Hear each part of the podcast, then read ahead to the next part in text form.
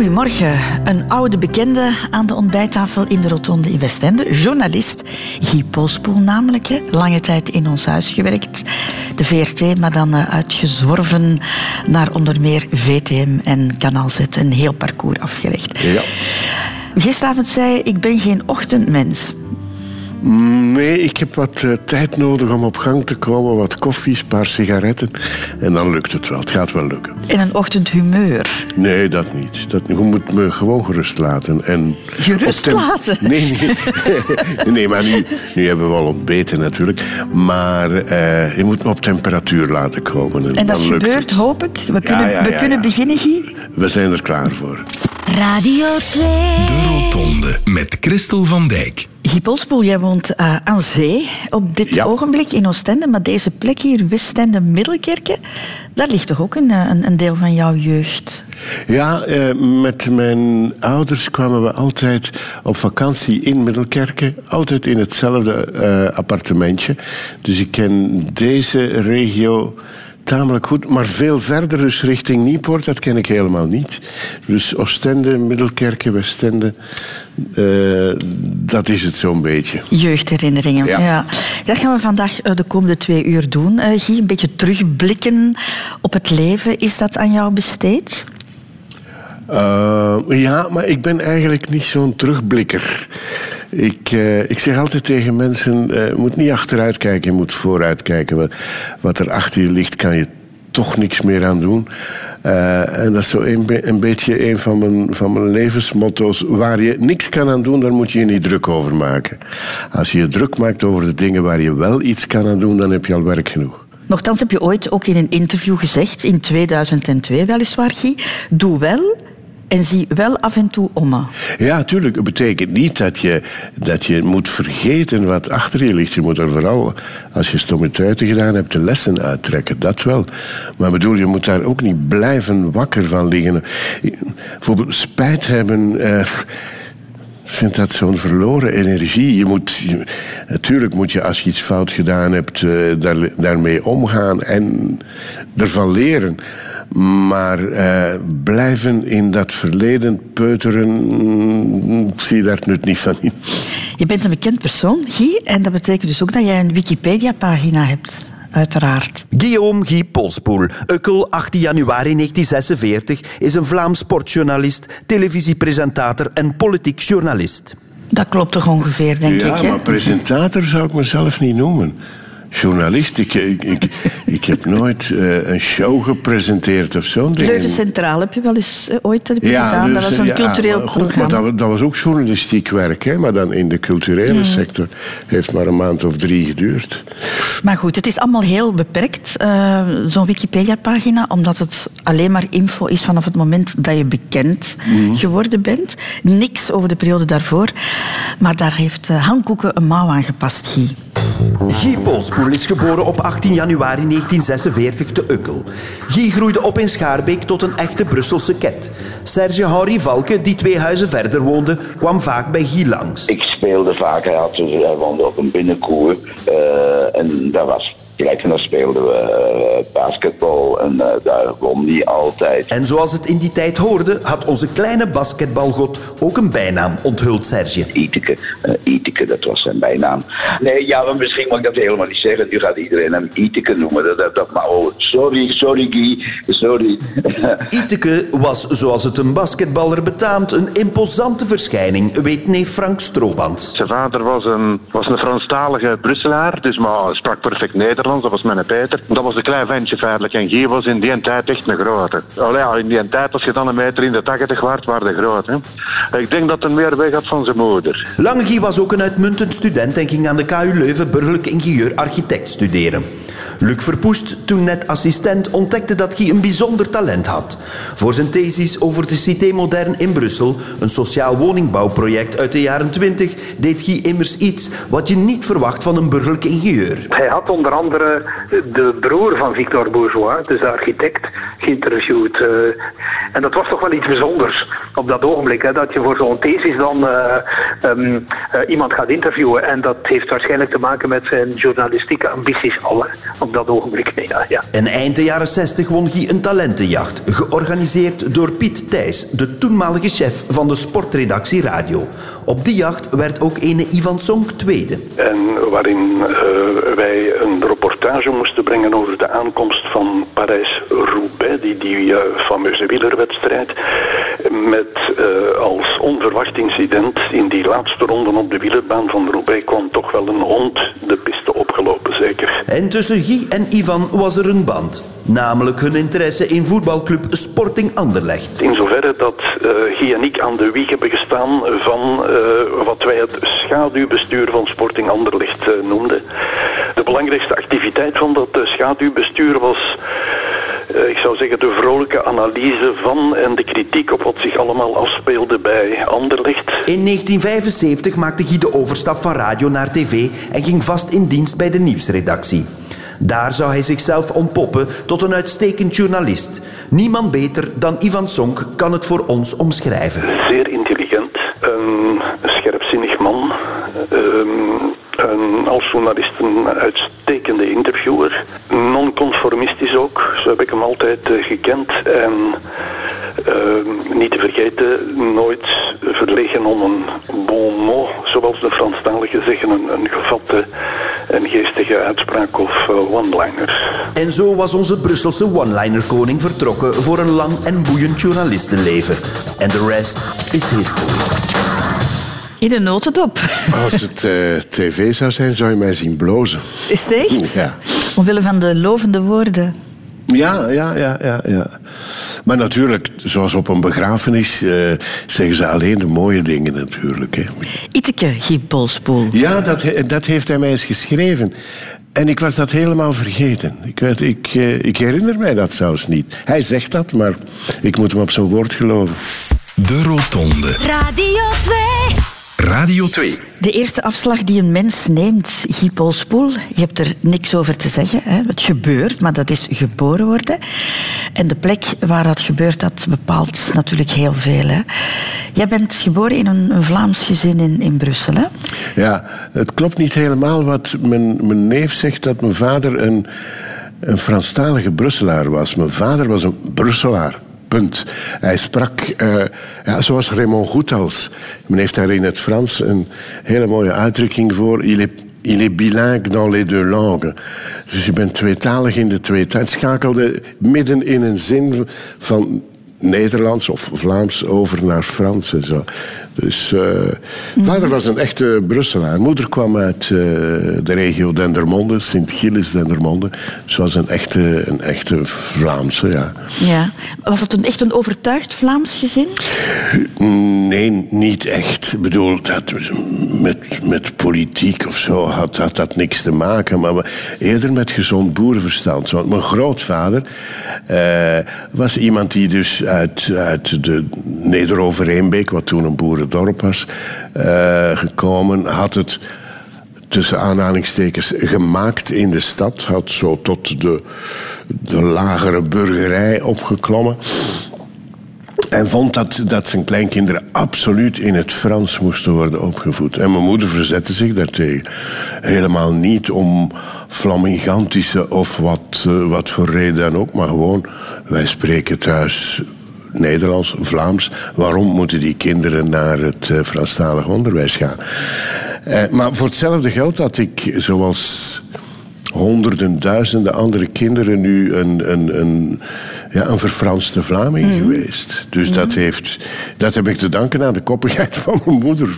Ja, maar ze heeft er toch veel moeite voor gedaan, want er waren niet zoveel Nederlandstalige nee, scholen. Daar moest je naar op zoek ja, gaan. Bijvoorbeeld, ik, uh, ik heb mijn, mijn, een jaar in de kleuterklas gezeten als enige jongen in een meisjesschool. En dat was gewoon om praktische redenen. Omdat, omdat er, ja, dat de, de, de jongenskleutertuin, dat was aan de andere kant van de gemeente. En ja, dat was... Uh, en de nonnetjes aanvaarden dat. En ik ben daar, ben daar braaf geweest hoor. Ja, en je bent dan later uh, naar een ateneum geweest, ja. ondanks het katholieke geloof van ja. jouw ouders, ook had, omwille van die taal. Ja, dat had ook daarmee te maken, ja.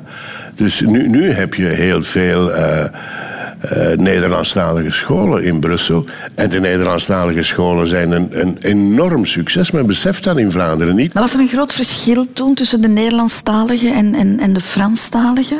Waren dat... Goh, wij hadden daar eigenlijk niet zoveel, zoveel contact mee. Ik bedoel, in de straat eh, waar ik woon, de Heuvelenstraat in Schaarbeek... eh, alle middenstanders, beenhouwers, kruideniers, groenteboeren... waren allemaal Vlamingen. Allemaal verfranste Vlamingen op de duur. Want hun kinderen gingen wel naar de Franstalige school. Allemaal. Maar je hebt zelf nooit de behoefte gevoeld om een soort Vlaamse strijd te voeren? Nou, niet echt, nee. Dat, dat, dat was de tijd van later dan van de marsen op Brussel en dat soort dingen. Het is wel zo dat in die tijd, en dat is ook ontzettend veranderd in Brussel, dat je een beetje met de nek werd aangekeken als je in een, in een, in een winkel of een warenhuis eh, Nederlands sprak. Dan voelde je wel dat men jou een boerke vond. eh, dat wel. Dat is toch wel serieus veranderd. Er is een soort respect ontstaan voor het Nederlands. En ik denk dat dat vooral komt door eh, de successen van onze, onze culturele eh, inspanningen. Ook in Brussel, dat wordt ontzettend gewaardeerd. Wat, wat, wat, wat onze kunstenaars doen. En die hebben eigenlijk het Nederlands als cultuurtaal op de kaart gezet. Die indruk heb ik wel, ja. Het was jouw moeder, Guy Polspoel, die besliste dat jij naar een Nederlandstalige school moest gaan. Ze had wel wat te zeggen dus, die moeder van jou. Ja, zij, zij, zij droeg de broek, letterlijk. Eh, mijn vader, die, die werkte en liet mijn moeder maar doen. Zij was dus huisvrouw. Zij bestuurde het gezin en het geld. Mijn vader die gaf zijn centen af en mijn moeder die, die deed daar dan eh, haar ding mee. Er waren niet zoveel centen in die tijd. Niet, ik heb geen armoede gekend hoor, dat niet. Maar als je bedenkt dat wij met z'n vieren, mijn zus en ik en mijn ouders, op een appartementje van 70 vierkante meter woonden. Dat- Een badkamer was er niet. Eh, Dat was in de keuken. De zaterdag was die. Er was geen centrale verwarming, geen koelkast. Dat bestond. Ik ben geboren in 46, dus dat is net na de oorlog. En dat was, van comfort was er, was er geen sprake. We hadden één kachel voor dat appartement en daar, daar moesten we het mee doen. Heeft jou dat ooit gemotiveerd om het beter te doen? Om het... Nee, nee, ik heb daar zeker geen, geen frustraties van, van, van opgelopen. Ik waardeer natuurlijk dat, dat de omgeving waarin ik nu leef, dat dat stukken en stukken en stukken beter is. Eh, Maar je had niet het gevoel, wij zijn arme mensen. Oh, nee, nee, nee, dat niet. Absoluut niet. Absoluut niet. Het was ook zo het in was die tijd. krap. Het was, ja, en het was zo in die tijd, ja. Bij iedereen was dat zo. Allee, tenminste bij de mensen waar ik mee in contact kwam, waren wel rijke mensen natuurlijk, maar die, die kenden wij niet gewoon. Kan je dat gezin nog eens verder beschrijven? Hoe, hoe ben jij opgevoed? Eh, mijn moeder deed pogingen om ons streng op te voeden. En bij mijn zus is ze erin geslaagd, bij mij niet helemaal. Mijn moeder was een, moet ik het zeggen, dominant iemand. Soms wat manipulatief ook. Eh, het, het, het moest zoals zij het wou. Eh, ik heb, ben daartegen in opstand, pas op, dat is eh, niet de revolutie gemaakt, maar ik heb me daartegen verzet, mijn zus niet. Ik heb natuurlijk het voordeel gehad dat ik naar de universiteit gegaan ben en in Leuven op kot ging en dus loskwam van dat, van dat gezin en van die ja, wat dominante moeder. Je spreekt niet erg liefdevol over haar, of klopt Eh, dat niet? Niet echt, nee. Ik had, ik had veel meer voor mijn vader. Ik had een veel betere band met, met mijn vader. Maar waarschijnlijk heeft dat ook te maken met het feit dat die moeder probeerde je in, in haar klauwen te houden. En op het, wat zij dan dacht, het rechte pad. Waar het, eh, en dat was, dat was heel beklemmend eigenlijk. Mhm. Maar misschien wil- wilden ze ook gewoon het beste voor Ja, jou. natuurlijk. natuurlijk. Hè? Het was met de beste bedoelingen. Ja, ja, ja. Zij wilde vooruit en dat er kinderen het maakten enzovoort, enzovoort, enzovoort. En dat was de, de manier waarop ze dacht dat te moeten sturen. Maar dat was heel, eh, ja, dat was onaangenaam. Maar ik lig er niet meer wakker van. Hoor. Ik zei daarnet, ik kijk, ik probeer niet terug te kijken of niet te veel terug te kijken, maar we zijn hier niks anders aan toe. Daarvoor zit je hier, beste Guy. Nu, eh, jouw ouders wilden het beste eh, voor jullie. En misschien nog meer voor jou dan voor je zus, omdat jij een jongen was. Ja, en omdat ik een jongen was en zij een meisje, inderdaad. Ja, ja. Voor, voor mijn zus was onderwijzeres worden, dat was genoeg. Terwijl ik moest dus, ja, zo wat de eerste universitair van de familie worden. Hè. Was niet echt jouw eigen keuze, hè? Eh, universiteit wel, maar de, de richting waar ik in gesukkeld ben, eh, dat, dat was, ik ga niet, ook niet, zeker niet zeggen dat mij dat opgedrongen is. Ik was 17 toen ik eh, humaniora gedaan had. En je kan je dat niet meer voorstellen nu. Ik zie, ik heb nu een mijn oudste kleinzoon is nu 18, zit, doet eerste jaar UNIF. Maar wat voor. Wij wisten van niks toen we 17 jaar waren. Terwijl nu kinderen van die leeftijd weten hoe de wereld. Misschien niet het eh, helemaal, maar weten wat er in de wereld gebeurt. Wij wisten helemaal niks. En ja, ik. ik moet ik het zeggen? Ik had het ongeluk dat ik een zeer goede student was in humaniora. En in alles, zowel in talen als in wetenschap, als in geschiedenis enzovoort. Ik had ja, 90 procent. En wat moet je dan doen? Normaal zie je aan de schoolresultaten van, van een kind... eh, waar zijn vaardigheden, zijn bekwaamheden, zijn interesses liggen. Ik wist van niks. En eigenlijk is de keuze om ingenieur te gaan studeren... gemaakt door wat toen het PMS, Psychomedisch Sociaal Centrum, hoe heet dat nu? Eh, CLB. CLB, ja. Eh, eh, werd die keuze da- daar door die mensen Zij gemaakt? hebben beslist van, jij moet niet beslist, maar ze hebben ingenieur gezegd, worden. ja, allee, als je die school, oh, die, moet, eh, die, die, die, die moet ingenieur studeren. Had men me toen gevraagd, wat is dat een ingenieur? Ik zou er niet veel over weten hebben te zeggen. Je hebt gewoon ja geknikt, oké. Ah ja, dan doen we dat maar. Bedoel, dat of... Eén ding wist ik, geneeskunde, dat ga ik niet doen. Om een of andere reden. Met, altijd met zieke mensen en zo. Nee, dat was niks voor mij. Ben je daar uiteindelijk blij om? Ehm, ja, eigenlijk. Omdat, eh, dus ik heb met dat diploma eh, van burgerlijk ingenieur, architect eh, als specialisatie, eigenlijk niks gedaan. Ik heb nog wel mijn stage gedaan als architect. Maar heb nooit een beroep uitgeoefend om de eenvoudige reden dat het niet is omdat je een diploma hebt dat je ook talent hebt. En als je niet echt het talent hebt om een goed architect te worden, dan ben je een soort beter technisch tekenaar. En dat, dat is geen boeiend vak. Ik zag me ook niet de hele tijd op een bureau zitten. Maar aan de andere kant. ehm, het feit dat ik exacte en toegepaste wetenschappen heb gestudeerd, doet wel iets met, met, met je hersens en de manier waarop je bijvoorbeeld problemen aanpakt. Tuur van Wallendaal zei dat is. Jij bent een goed journalist omdat je burgerlijk ingenieur hebt gestudeerd. En hij bedoelde daarmee, jij kan dingen analyseren en, en, en heel snel de, de, de juiste lijn erin trekken. En, hè, want als je, zeker als je eh, exacte wetenschappen studeert, dat is, had bijna gezegd, dat is een soort hersenspoeling. Dat is een manier om te kijken naar dingen. En dat is mij wel van pas gekomen in, eh, in de journalistiek, ook in de politiek. In de politieke journalistiek, ik ben nooit in de politiek geweest. Eh, maar dat is mij van pas, omdat je heel snel kan analyseren, de, de vinger op de wonden leggen en zo. Dat, dat, dat merk ik wel. Dus spijt, eh, ik heb al gezegd, spijt, dat is verloren energie. En Leuven heeft jouw wereldbeeld alleszins uh, Leuven bijgesteld. heeft, ja, ik zat dus in de periode van 64 tot 70 in Leuven gestudeerd. Dat was midden de, de, de woelige periode van Leuven-Vlaams, mei 68, eh, dat soort dingen. Ik had elk, elk jaar september, omdat ik te druk bezig was met andere dingen, eh, speelde toneel, van, van alles. eh.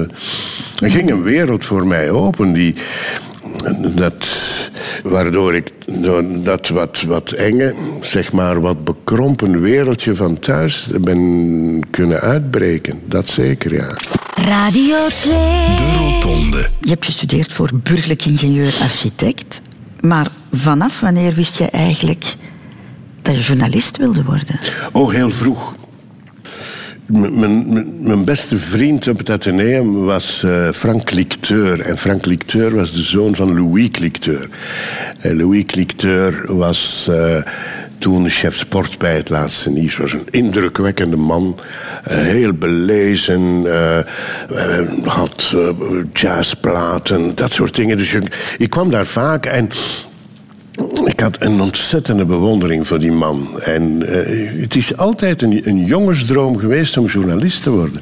Maar vanaf welke leeftijd? Oh, Jongensdroom, is dat ja, dan 12, 13, 13? 14 jaar, ja. Je was ook geïnteresseerd in sport al in die periode heel Eh, ja, erg. maar ook in politiek. De- toen al, ja, ja. Zeer zeker. In mijn verbeelding was ik, bij wijze van spreken, regeringen aan het vormen. Maar ja, er, hoe moest je journalist worden? Er was geen enkele journalistenschool.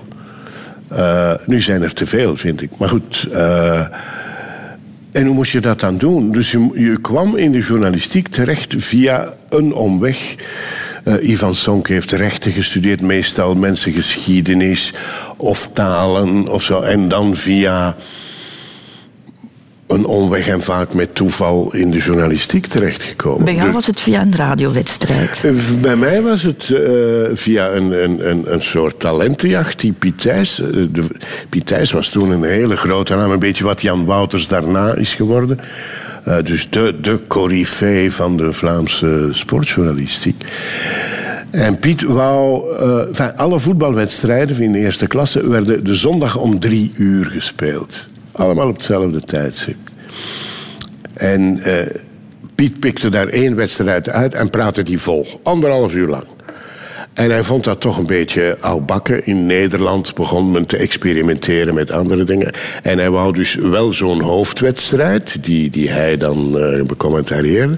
Maar hij wou ook op die verschillende andere velden een soort correspondent... die elke keer als er iets gebeurde tussenkwam in die uitzending. Maar hij had daar geen mensen voor. Vandaar die talentenjacht. Die, die hij op de radio organiseerde. Op de radio voor een deel werd dat gevolgd op de radio. eh, en eh becommentarieerd door Piet. dat heeft, ik denk dat een, een half jaar geduurd heeft of zo, die wedstrijd. Er waren verschillende opgaven en zo. En jij komt daar als eerste uit, Ja. na, voor Ivan Song. Ja, ik plaag hem daar nog altijd mee. Maar je was nog student toen. Ik was nog student, het was in 67. Ja, 67. En je begon vanaf dan te werken al Vanaf op... werken, ik bedoel, eh, je, je mocht af en toe iets doen. Je deed dus eh, op zondag zo een, eh, een, een, een, een, een jobje als, als correspondent op een of ander voet. Meestal was dat bij mij Crossing Ganshoren en Racing White toen nog. Af en toe eens Anderlecht, maar dat was voor de, voor de, de echte professionals. Ja, dat was eigenlijk zo'n soort studentenjob waar je een kleine cent mee verdiende, wat leuk meegenomen was. Maar voelde je toen al van eigenlijk, dit wil ik doen? Ja, eigenlijk wel. En dan in de vakantie mocht je op de redactie komen werken en stukjes schrijven. Ik heb van Piet Thijs heel veel geleerd. Was een heel belezen man. Ook, eh, die, die, die, die je ook aan het handje nam om, om, ja, om de stil te leren eigenlijk. Dat je dan je studies nog afmaakt, dat begrijp ik. Maar dat je dan nog aan een stage begint Ja, van, van, een, van aantal jaar. jaren, Wel, terwijl dat- je daar meer op had kunnen inzetten. Ja, maar ik bleef het combineren dan. Hè, met, met de, zo, eigenlijk deed ik halftime, enfin, halftime stage of drie kwart stage en, en de helft journalistiek.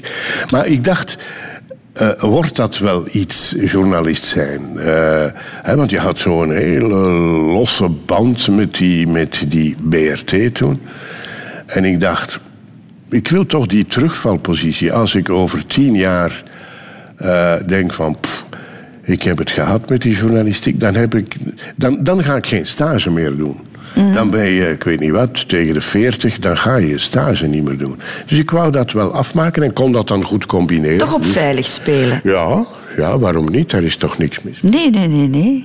Het was al een, een, een, een groot avontuur van, van, van burgerlijk ingenieur naar, naar de sportjournalistiek. Want het was toen vooral sportjournalistiek. Wat me thuis niet echt in dank werd afgenomen toen ik dat aankondigde. Hè? Want in de ogen van mijn ouders had ik het hoogste bereikt om dan drie, drie trappen lager te gaan staan. Dat was een beetje zoals zij er naar keken. Is het waar? Ja, Zijn daar wrijvingen over geweest?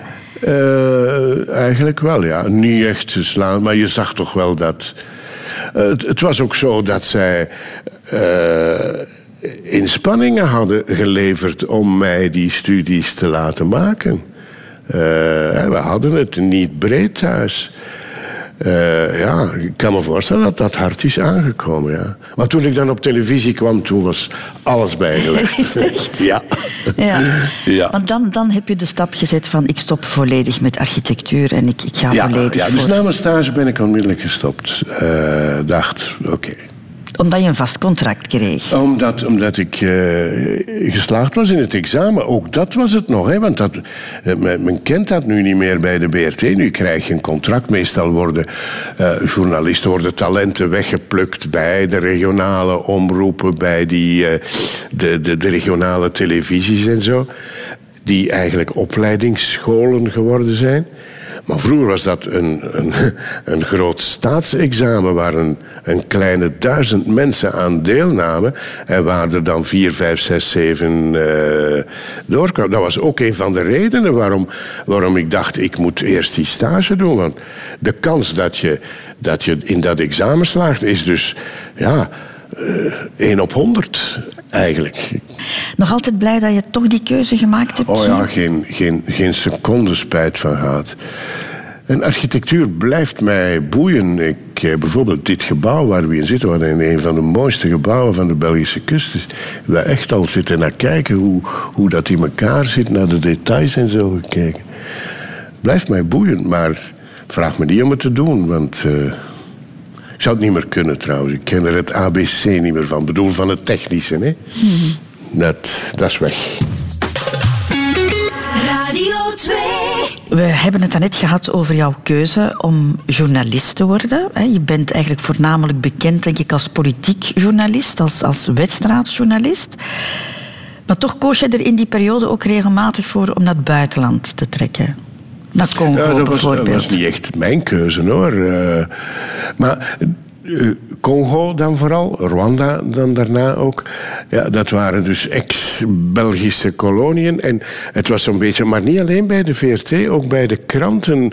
eh, de gewoonte dat dat behandeld werd door mensen van de binnenlandse politiek. Omdat het, ja, misschien is dat een wat neocolonialistische insteek, maar dat was zo. Omdat er natuurlijk ook veel conflicten waren tussen eh, bijvoorbeeld Mobutu en die Belgische regering. En, en, en dan zat je bij die Belgische politiek ook natuurlijk. Dus het was een beetje, ja, dat was de traditie. Dat is nu helemaal niet meer zo. Eh, maar toen was dat bijvoorbeeld bij de Standaard, was het Manu Ruijs die Congo deed. Dus de, de paus van de binnenlandjournalistiek bij de Standaard. Toch een heel andere manier van werken. De veiligheid tussen aanhalingstekens van de wedstraat. En dan moet je daar ineens in, in Brazzaville of ik weet niet waar. eh, Ja, dus eh, eh, dat was altijd heel moeilijk werken. Vooral, we gingen er meestal naartoe als het, als het daar op stelte stond. Als er eh, rellen waren of opstanden of ik weet niet wat.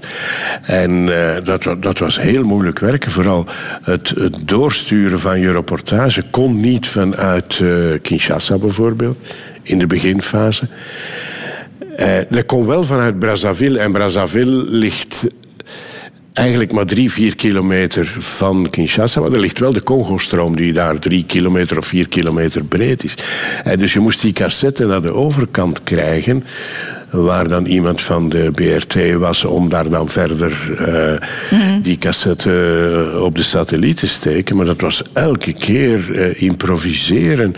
Tot en met een jongen met een prauw wat centen geven om, om aan de overkant te geraken. En hem beloven dat hij daar ook nog centen kreeg, want anders deed hij het niet meestal. Maar eigenlijk wel fijn werk. Het is een beetje, Ja, een beetje jongensachtig. Ja, ja het, is, het was kuifje in Congo hoor. Eh, Je hebt dat altijd heel graag gedaan, eh Guy Polspoel, tot in 1994. hè? Dan Ja. is er iets gekrakt bij jou. Ja, Kan ik het zo zeggen? Ik, ik heb dus, ja, 94 was ik ongeveer 20 jaar bij de VRT en toen is er iets, iets geknapt. Eh, ik eh, was toen voorzitter van de Bond van Radio- en Televisiejournalisten, was zo'n beetje spreekbuis van, van eh, een aantal mensen. En eh, er was bij mij een enorm ongenoegen gegroeid met de manier waarop dat, dat huis gerund werd. Het was. Maar is het, situeert het of begint het verhaal niet eerst in, in, in Rwanda? Of ik- Nee, het is een samenloop van omstandigheden. Het is die onvrede. eh, ik ben dan zelfs eh, eh, bedrijfsbeheer gaan, gaan studeren. Omdat ik dacht, ja, ik heb kritiek, maar ik moet daar toch wat meer inzicht kunnen in krijgen en zo. Dus dat was er. En dan, eh 94 is ook het jaar van de genocide eh, in Rwanda. En eh, ik was daar toen het uitgebroken is. Ik denk dat samen met mijn... Ik werkte veel samen met eh Franstalige collega van de RTBF, Frédéric François, waar ik heel veel van geleerd heb. Want dat is een man die de onafhankelijkheid in 60 nogal, nog had meegemaakt. En ik kende die Congolese politiek helemaal niet. Hij heeft me daar echt bij het handje genomen. En wij waren de, ene, de eerste, geloof ik, die. Eh, hoewel we Rwanda niet binnen mochten, maar mensen interviewden aan de grens in Goma. En de eerste die aangaven dat het niet zomaar wat rellen in de stad waren, maar dat er iets verschrikkelijks aan de hand was. Van mensen die vluchten en die verhalen deden over het afschuwelijke, het gruwelijke van wat er aan de hand was. Eh, dat is dan, die berichten zijn dan overgenomen tot in de Verenigde Staten en zo. En dat was eigenlijk de eerste, de eerste getuigenissen van, van, van ja, wat later echt een genocide met honderdduizenden doden is eh, geworden. Toen dan de, de, de, wat men gemakkelijkheidshalve de Tutsis noemt, het eh, RPF, dus die vanuit Oeganda de, de, de macht overgenomen hadden in Rwanda, ben ik daarna nog eens teruggegaan voor een Pano-rapportage. Drie weken daar rond en daar geconstateerd de gruwel van wat daar gebeurd was. Ik herinner mij, daar droom ik nog van, dat men op een bepaald moment de deuren van een kerk opendeed voor het eerst, dus anderhalve maand later of zoiets. En daar had men schat 600, 700 mensen in samengedreven en er dan handgranaten in gegooid. En daar lagen dus honderden lijken met de stank die dat meebrengt. Verschruwelijk beeld, gruwelijk beeld. En ik denk, ik denk toen dat er een aantal dingen... Ik zei daarnet, er zijn een aantal dingen die samengelopen zijn. Mijn onvrede bij de VRT. En ook, eh, ja, er was toen, absolu was toen absoluut geen opvang... als je, als je uit zo'n zo'n zo'n gruwel... Ik heb het er onlangs nog met... eh, met Rudy Franks over gehad. eh, over wat dat met, met een mens doet als je zo, eh, zo met zo'n gruwelijke dingen geconfronteerd wordt. En eh, ja, ik, ik was uit balans en heb toen een beslissing, de beslissing genomen waar ik al lang mee zat. Maar dat is zo'n beetje in een stroomversnelling gekomen. Ik, ik ben dan naar wat toen Filmnet heette. Die begonnen met voetbal op betaaltelevisie. En ik kwam dus eigenlijk opnieuw waar het, terecht waar het allemaal begonnen was bij mij in de sport. En ik heb dan zeven, acht jaar niks anders gedaan dan, eh, dan sport. Eh, voetbal, eh, binnenland, buitenland. Tennis heb ik ook behoorlijk wat gedaan. Dat vond ik heel tof eigenlijk. Drie weken in New York zitten. Maar waarom was je zo, zo ontevreden? Ja, met de manier waarop dat, dat huis gerund werd. Met de, de overpolitisering, eh, eh, de bureaucratie. Dat was, het was het ministerie van radio en televisie. Maar eh, dan is er, denk een jaar, anderhalf jaar nadat ik weggegaan was, is er dan de hervorming geweest onder minister van Media Erik van Rompuy, die, die de VRT grondig heeft veranderd. En is Bert de Graaf gekomen als een, een CEO die uit het bedrijfsleven kwam en die heel die van dat ministerie een bedrijf heeft gemaakt, om het eh, kort En dan te wou je terugkomen eigenlijk. ik, wou, ik heb toen, ja, ik dacht, verdomme, eh, ik ben te vroeg weggegaan. En dan heb ik een, eh, een lange brief naar Bert de Graven geschreven. Om te zeggen, kijk, daarom en daarom en daarom en daarom ben ik weggegaan.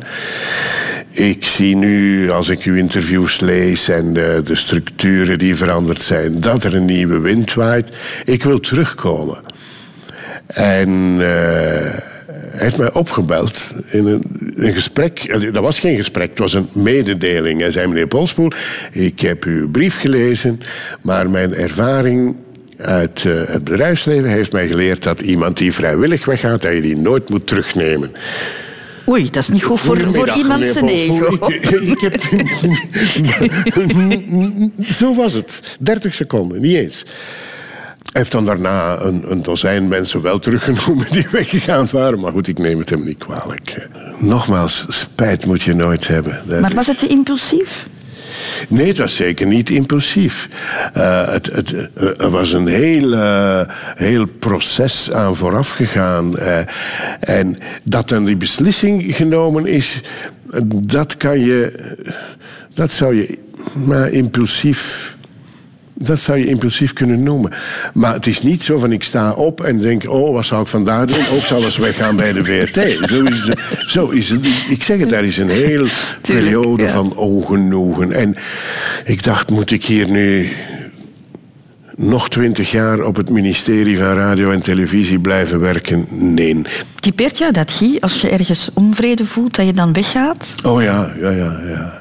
Ja, ja, het leven is te kort om, eh, om te zeggen: ik voel mij hier niet goed in. Maar ik zal maar blijven voor de veiligheid of voor het, het mooie pensioen later of zo. Nee, nee, dat, eh, dat is aan mij niet besteed hoor. Een heel emotionele, maar niet altijd de makkelijkste afslag in het leven, Guy Polspoel, dat, eh, dat is de liefde. Hè? Wat heb jij daar van thuis van meegekregen? Heb je daar iets van gezien? Was daar, waren daar tekenen van liefde, van tederheid? Van tederheid weinig. Liefde, ja, maar. Het, is ook de, de, generatie van mijn ouders is ook de generatie die geen emoties toonde. De emoties tonen was een teken van zwakte.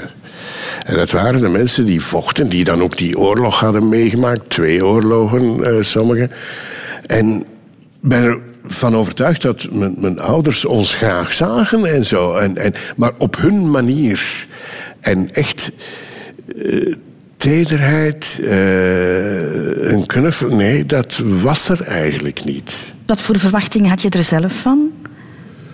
Van iemand graag zien, van, van een partner, van Ja, liefde? dat is heel moeilijk te, te definiëren, moeilijk te beschrijven natuurlijk. Een soort van geborgenheid, tederheid, het woord dat jij gebruikte. Eh, je veilig voelen bij iemand, een goed contact hebben met iemand. Ik denk, eh, liefde, als er... Als er geen vriendschap is, kan er ook geen liefde zijn. Ik, ga- ik denk niet, ik, of tenminste bij mij is dat zo. Flauwe kulromantiek, dat is aan mij niet besteed. Eh, en, en, en graag zien natuurlijk, maar als je niet echt ook, eh, als het niet klikt met iemand, als je. Ik kan het moeilijk beschrijven, maar het, eh, zo liefde van in de slagertjes, dat, eh, dat is flauwekul, vind ik. Nu, jij hebt op dat gebied ehm, heel wat meegemaakt. Ik bedoel, er is heel wat veranderd in de jaren dat jij jong was. Hè? Jij was jong in de jaren zestig. Ja. Ehm, jaren met een totaal andere moraal dan, dan jouw ouders. Zeer eh, zeker. Ik herinner mij hebben. bijvoorbeeld eh, de, de jaren 60, mijn universiteitsjaren, waren de, de jaren dat de pil op de markt kwam. Hè. En er waren zo, elk jaar een paar zo. Waren dat beurzen, maar presentatiebeurzen van farmaceutische firma's. Alleen voor de studenten geneeskunde. En daar werden die rondgedeeld, die, die, die, die dozen met de pil. En dat was een heel handeltje onder studenten daarvan. En dat was... Ja, dat was, dat was een vorm hè, van, van bevrijding, al zet ik daar aanhalingstekens bij. Dat, je niet meer zo, dat, was, dat, dat is natuurlijk een fundamentele verandering geweest in de manier waarop jongens en meisjes, mannen en vrouwen met elkaar omgingen. Maar uiteindelijk, Guy, hè, je maakt dan die seksuele bevrijding, seksuele re- revolutie mee. Uiteindelijk doe jij toch, of deed jij nog wat de meeste mensen toen nog deden, en dat is gewoon trouwen. Ja, ja, maar pff, trouwen is. eh, Ik ben twee keer getrouwd. Is voor mij niet. Ja, is een soort bevestiging van dat het goed gaat. Maar niet wat, wat het vroeger was, zo de gelofte van tot de dood ons scheidt. Eh, het was meer zo van, allee, ja, waarom zouden we dat dan niet doen? Dan, dan, als je dan kinderen hebt en zo. Dan, dan, nu, nu zijn er samenlevingscontracten en ik weet niet wat allemaal. Maar als je toen niet trouwde en je had kinderen... dan zat je met een boel miserie natuurlijk. Je bent gescheiden dan, hè? Je bent, eh, Ja, twee keer. Is dat voor jou een nederlaag? Eén keer zeker, ja. De andere keer eh, is het gewoon ontploft. eh, en heb ik gezegd, tot hier en niet verder. En heb gedaan. En dat was een, eerder een, een, opluchting dan een gevoel van nee. Eh, Hoewel het natuurlijk altijd een gevoel van mislukking. eh, eerder dan nederlaag. Want nederlaag, dat is zo precies een gevecht en ik heb het verloren. Maar een, een, een falen, dat wel. Zelfs als het eh, in een huwelijk is dat ontploft is, het geeft zeker geen goed gevoel. Ook al was ik in een van die twee gevallen dan blij dat het gedaan was. Maar toch is het, blijft er eh, een portie bitterheid over. Het blijkt ook een van de meest ingrijpende gebeurtenissen te zijn, volgens de psychologen. Ja, ja, ja.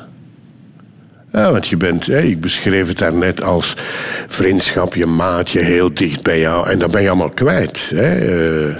Het is even verscheurend, denk ik, als je verlaten wordt of als je zelf weggaat. Ja, ik denk dat daar nauwelijks verschil in is. Want vaak is het ook wie van de twee neemt het initiatief, maar meestal weten ze allebei wel dat het eraan zit te komen. Kan jij goed alleen zijn, Guy? Ja, zeer goed. Maar ook zonder een relatie bedoel ik? Eh, ja, ja. Ik ben ook graag alleen. Niet te lang, maar zo in je, in je eigen wereldje ronddraaien, in je eigen hoofd gaan wandelen. Dat, eh, dat is iets dat mij wel ligt. Maar ik, ik, ik heb natuurlijk wel graag iemand dicht bij mij en zo. Dat, eh, Alleen oud worden bijvoorbeeld. Schrikt jou dat af? Ja, maar dat, dat is natuurlijk nog iets anders. Wel, ik ben nu oud, hè. Ben Maar je bent niet 64. alleen, dus... Nee, nee, nee, nee, nee. Maar als ik zo dikwijls zie, ik woon in Oostende in zo'n eh, reuze appartementsgebouw met 34 verdiepingen. En je ziet wat eenzaamheid hoor. Je, het, het is op de mensen hun, eh, hun aangezicht af te lezen. Heb jij altijd kinderen gewild, Guy Polspoel? Eh, er is een tijd geweest, natuurlijk, een beetje vergelijkbaar met nu. Dat is eh jaren zeventig, was er eh, zo'n eerste golf met de rapporten van de Club van Rome. En de, de olie gaat opgeraken en we gaan daar niet. Allee, de wereld was naar de knoppen. Was ook de, mag niet vergeten, de Koude Oorlog, de, de, de wapenwetloop met de kernbommen en zo. En dan heb ik soms wel gedacht van... Mag je nog wel kinderen op de wereld helpen zetten? Zo van, wat, wat doe je die kinderen aan? Want wat is die, die toekomst die zij hebben? Maar je bent wel van gedachten veranderd, want je hebt met je eerste vrouw twee, twee, wel twee ja, goed, kinderen. Maar de, de, de bom viel dan niet. Eh, ja, ik ben, en ben heel erg blij met, eh, met de kids. Ja. Heb je het zelf echt gewild? Was je echt zelf vragende Ja, partij? Ja. ja. En zij hebben nu ook kinderen gemaakt, dus. Je hebt jezelf ooit eens een afwezige vader genoemd, Polspoel. Ja, omdat ik, eh, omdat ik heel druk bezig was eh, met mijn werk en er dan ook dingen, sport bij deed, s'avonds en zo. Ik was gepassioneerd en een beetje opgevreten door mijn beroep. En dan, ja, dan zie je kinderen niet zo vaak. Hè. Ik was dan ook gescheiden toen zij, denk vijf en zeven of zoiets waren. En dan, ja had je ze één weekend op twee of zo. Ik ging met hen uh, meestal nog wel eens eten in de week ook. Uh, ik nam ze soms mee naar de VRT, wat ze denk ik heel plezant vonden. Dan konden ze met die bureaustoelen met wieltjes onder. En dat was dan meestal in het weekend. En raceten ze door die gangen en zo. Ja. Was je daar toen van bewust, Guy, dat je afwezig was? Dat je er niet altijd was? Eigenlijk niet. Je, je deed maar voort. Uh, dacht daar niet te veel over na. Zo, ik, ik zat in zo'n soort maalstroom van werken en gepassioneerd werken. Hè. Je, je, je laten meeslepen door je, door je passie. Ik heb nooit het, nooit opgestaan met het gevoel... ik moet gaan werken vandaag. Nooit. Ik heb overigens nooit gesolliciteerd. Nooit. Wie kan dat zeggen? Zondagskind hoor, dat besef ik wel. Maar heeft dat de band met jouw kinderen minder hecht gemaakt op een bepaalde periode? De afstand ook? Het feit dat je elkaar minder zag? Uh...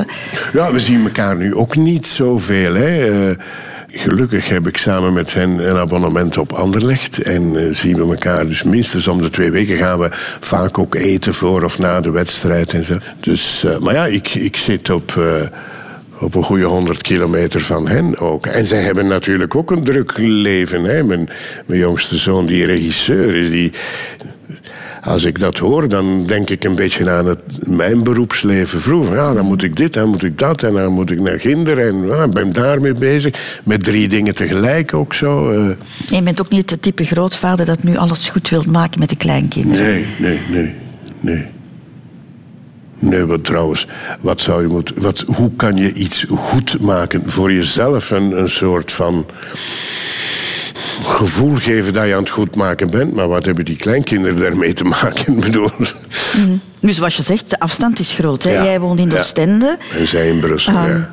En daar heb je onder meer de keuze gemaakt. Je bent in Oostende komen wonen. Wat ik een vreemde keuze vind om een B&B ook te openen, Guy.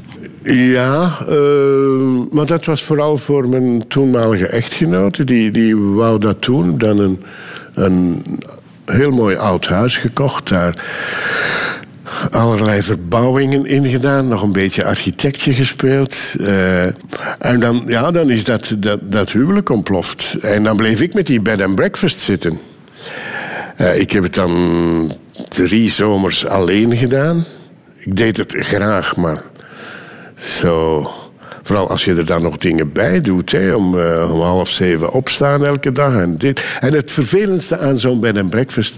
dat is wachten op de mensen. Je weet nooit wanneer ze aankomen. Mm-hmm. En ze zeggen dat wel. ik zal er om drie uur zijn. Maar ja, hoe zijn we zelf? Je gaat iets drinken op een terrasje. Je komt iemand tegen. Het is goed weer. Alleen we drinken er nog een. En voor je het weet is negen uur s'avonds. En jij zit daar te wachten. Ondertussen heb je de boel verkocht. Ik heb de boel verkocht, ja. ja. Maar je bent te veel geld aan verloren, beste. Ik heb er... Uh, maar ook dat spijt. En dan denk je, shit, gespeeld en verloren, punt. ik kan... Ja, echt waar, echt waar.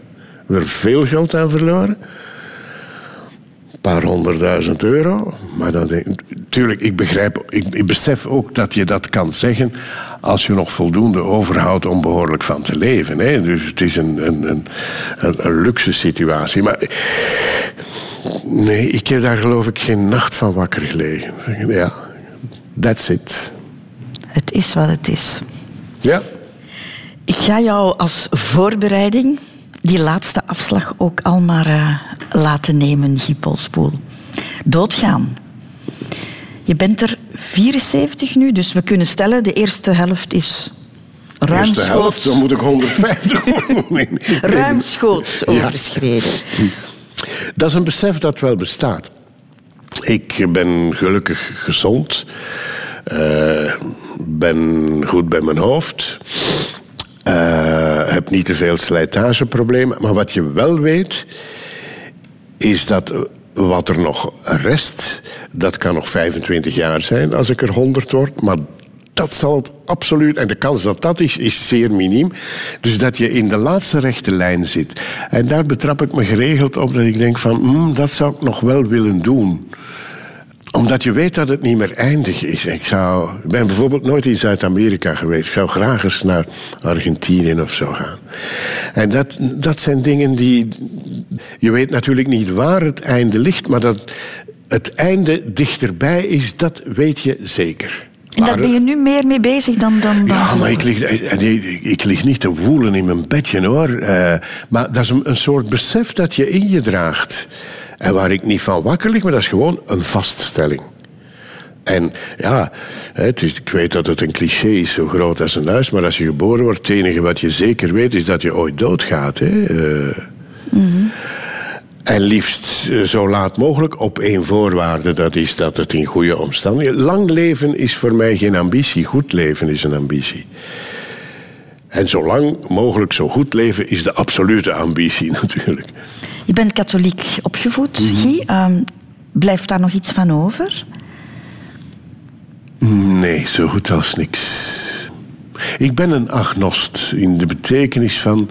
misschien is er iets, misschien is er niks na de dood. Ik kan dat niet weten. Want als er iets is, dan is het zo dat ons kleine hoofd daar niet bij kan. Dat niet kan verklaren. En ik ben niet iemand die gelooft in de zin van. Uh, waarom? Omdat het in een boek staat van 2000 jaar geleden. Uh, dat moet je geloven. Dat uh, Christus op water heeft gelopen. Ik weet niet wat Mohammed allemaal uitgesproken heeft. Dat soort. Ik, ik wil het allemaal een beetje bewezen zien. En dat lukt mij niet. En dan denk ik in het uh, katholieke geloof of het christelijke geloof is: God heeft de mens geschapen. Ik denk dat het omgekeerd is. Dat de mens God geschapen heeft als een soort van zingeving aan zijn leven. Anders loop je hier 20, 30, 50, 80 jaar rond en je sterft. En wat is het als er niet iets is dat zin geeft aan. En dat is iets wat mensen nodig hebben, denk ik. Maar ik, ik, ik, ik, ik weet dat niet. Ik weet dat niet. Ik kan dat ook niet weten, denk ik. Maar het begrip eeuwig kan ook wel wat angst inboezen. Ja, ik, ik herinner mij bijvoorbeeld toen ik een kleine jongen was, zo 7, 8 jaar, dat ik geregeld nachtmerries had over eeuwig. Ik kan dat moeilijk beschrijven, maar dat was zoiets van... Ja, en dat bleef maar duur, dat bleef maar duur, en er zou nooit een eind aankomen. En ik, ik werd badend in het zweet wakker. En dat is, dat is oh, misschien, heb het niet geteld, maar dat is tientallen keren gebeurd. Dat was iets dat me enorm beangstigde. Eeuwigheid. Niet eeuwig in, in de hel branden of zo, maar gewoon het tijdsbegrip eeuwig. Dat is een moeilijk begrip, hè? Ja. Ik hoop dat het me niet overkomt. Voel je je ouder worden, Guy? Ja, natuurlijk. Uh, ik zie hier mensen een, een, keer of vier, vijf het strand afjoggen. Dan moet je aan mij niet meer vragen. Je hebt, hebt slijtageverschijnselen. Er zijn dingen die je niet meer kan. Of veel minder goed kan dan... Uh, ik, ik denk in mijn, in mijn hoofd dat ik soms nog een, een kleine jongen ben. Maar natuurlijk, de de machinerie die er rond zit, die, dat is zoals een auto die 200.000 kilometer heeft gereden. Dat is ook geen nieuwe meer. Hè. En ik denk ook niet dat je sober geleefd hebt. Ik denk dat je, dat je aan 120 per uur geleefd hebt. Ja, hè? inderdaad. Ja, ja, ja. Nee, ik heb uh, eigenlijk heel weinig zorg voor de machinerie gedragen. En toch doet ze het nog goed. Je werkt ook nog altijd. Is dat ook een manier om de leeftijd te vergeten? Nee, niet om te vergeten, maar omdat je het graag doet. Het blijft een passie, natuurlijk op een veel lager ritme. Maar het heeft ook... Allez, bijvoorbeeld, als ik, als ik... Ik lees vier kranten per dag. En je leest je kranten op een heel andere manier als je denkt van... Ik kan daar misschien voor Kanaal Z dan nog eens iets mee doen. En ik heb dozen vol krantenknipsels uh, liggen van... Je bent bezig met... Anders lees je je kranten en denk je... Ja, regeringsvorming... fuck. Hè, of je leest het, ik lees het nu ook niet meer. Ik kan er niet meer tegen.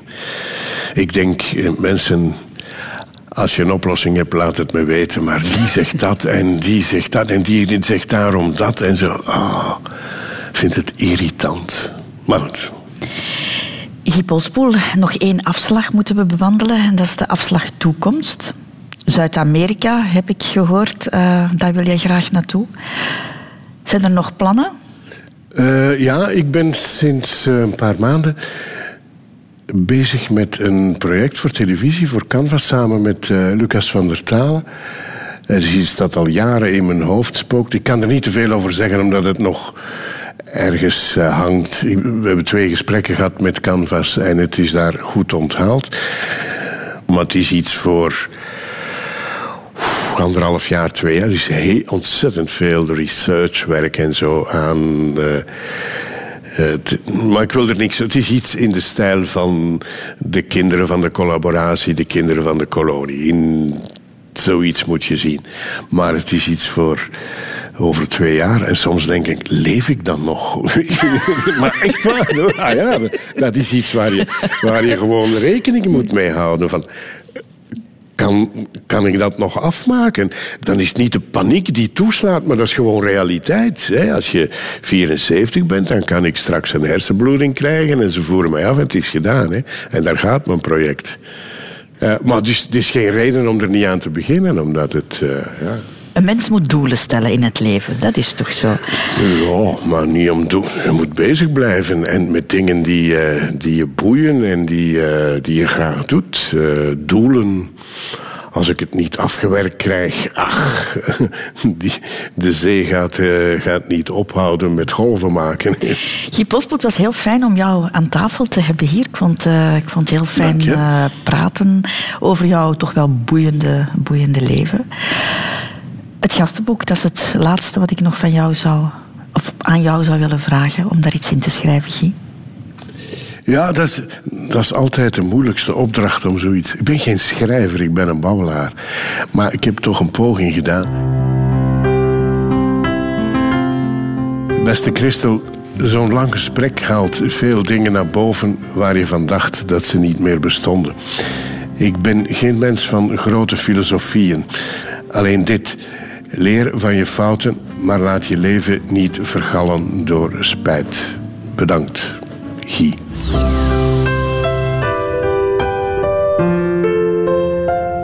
Radio 2.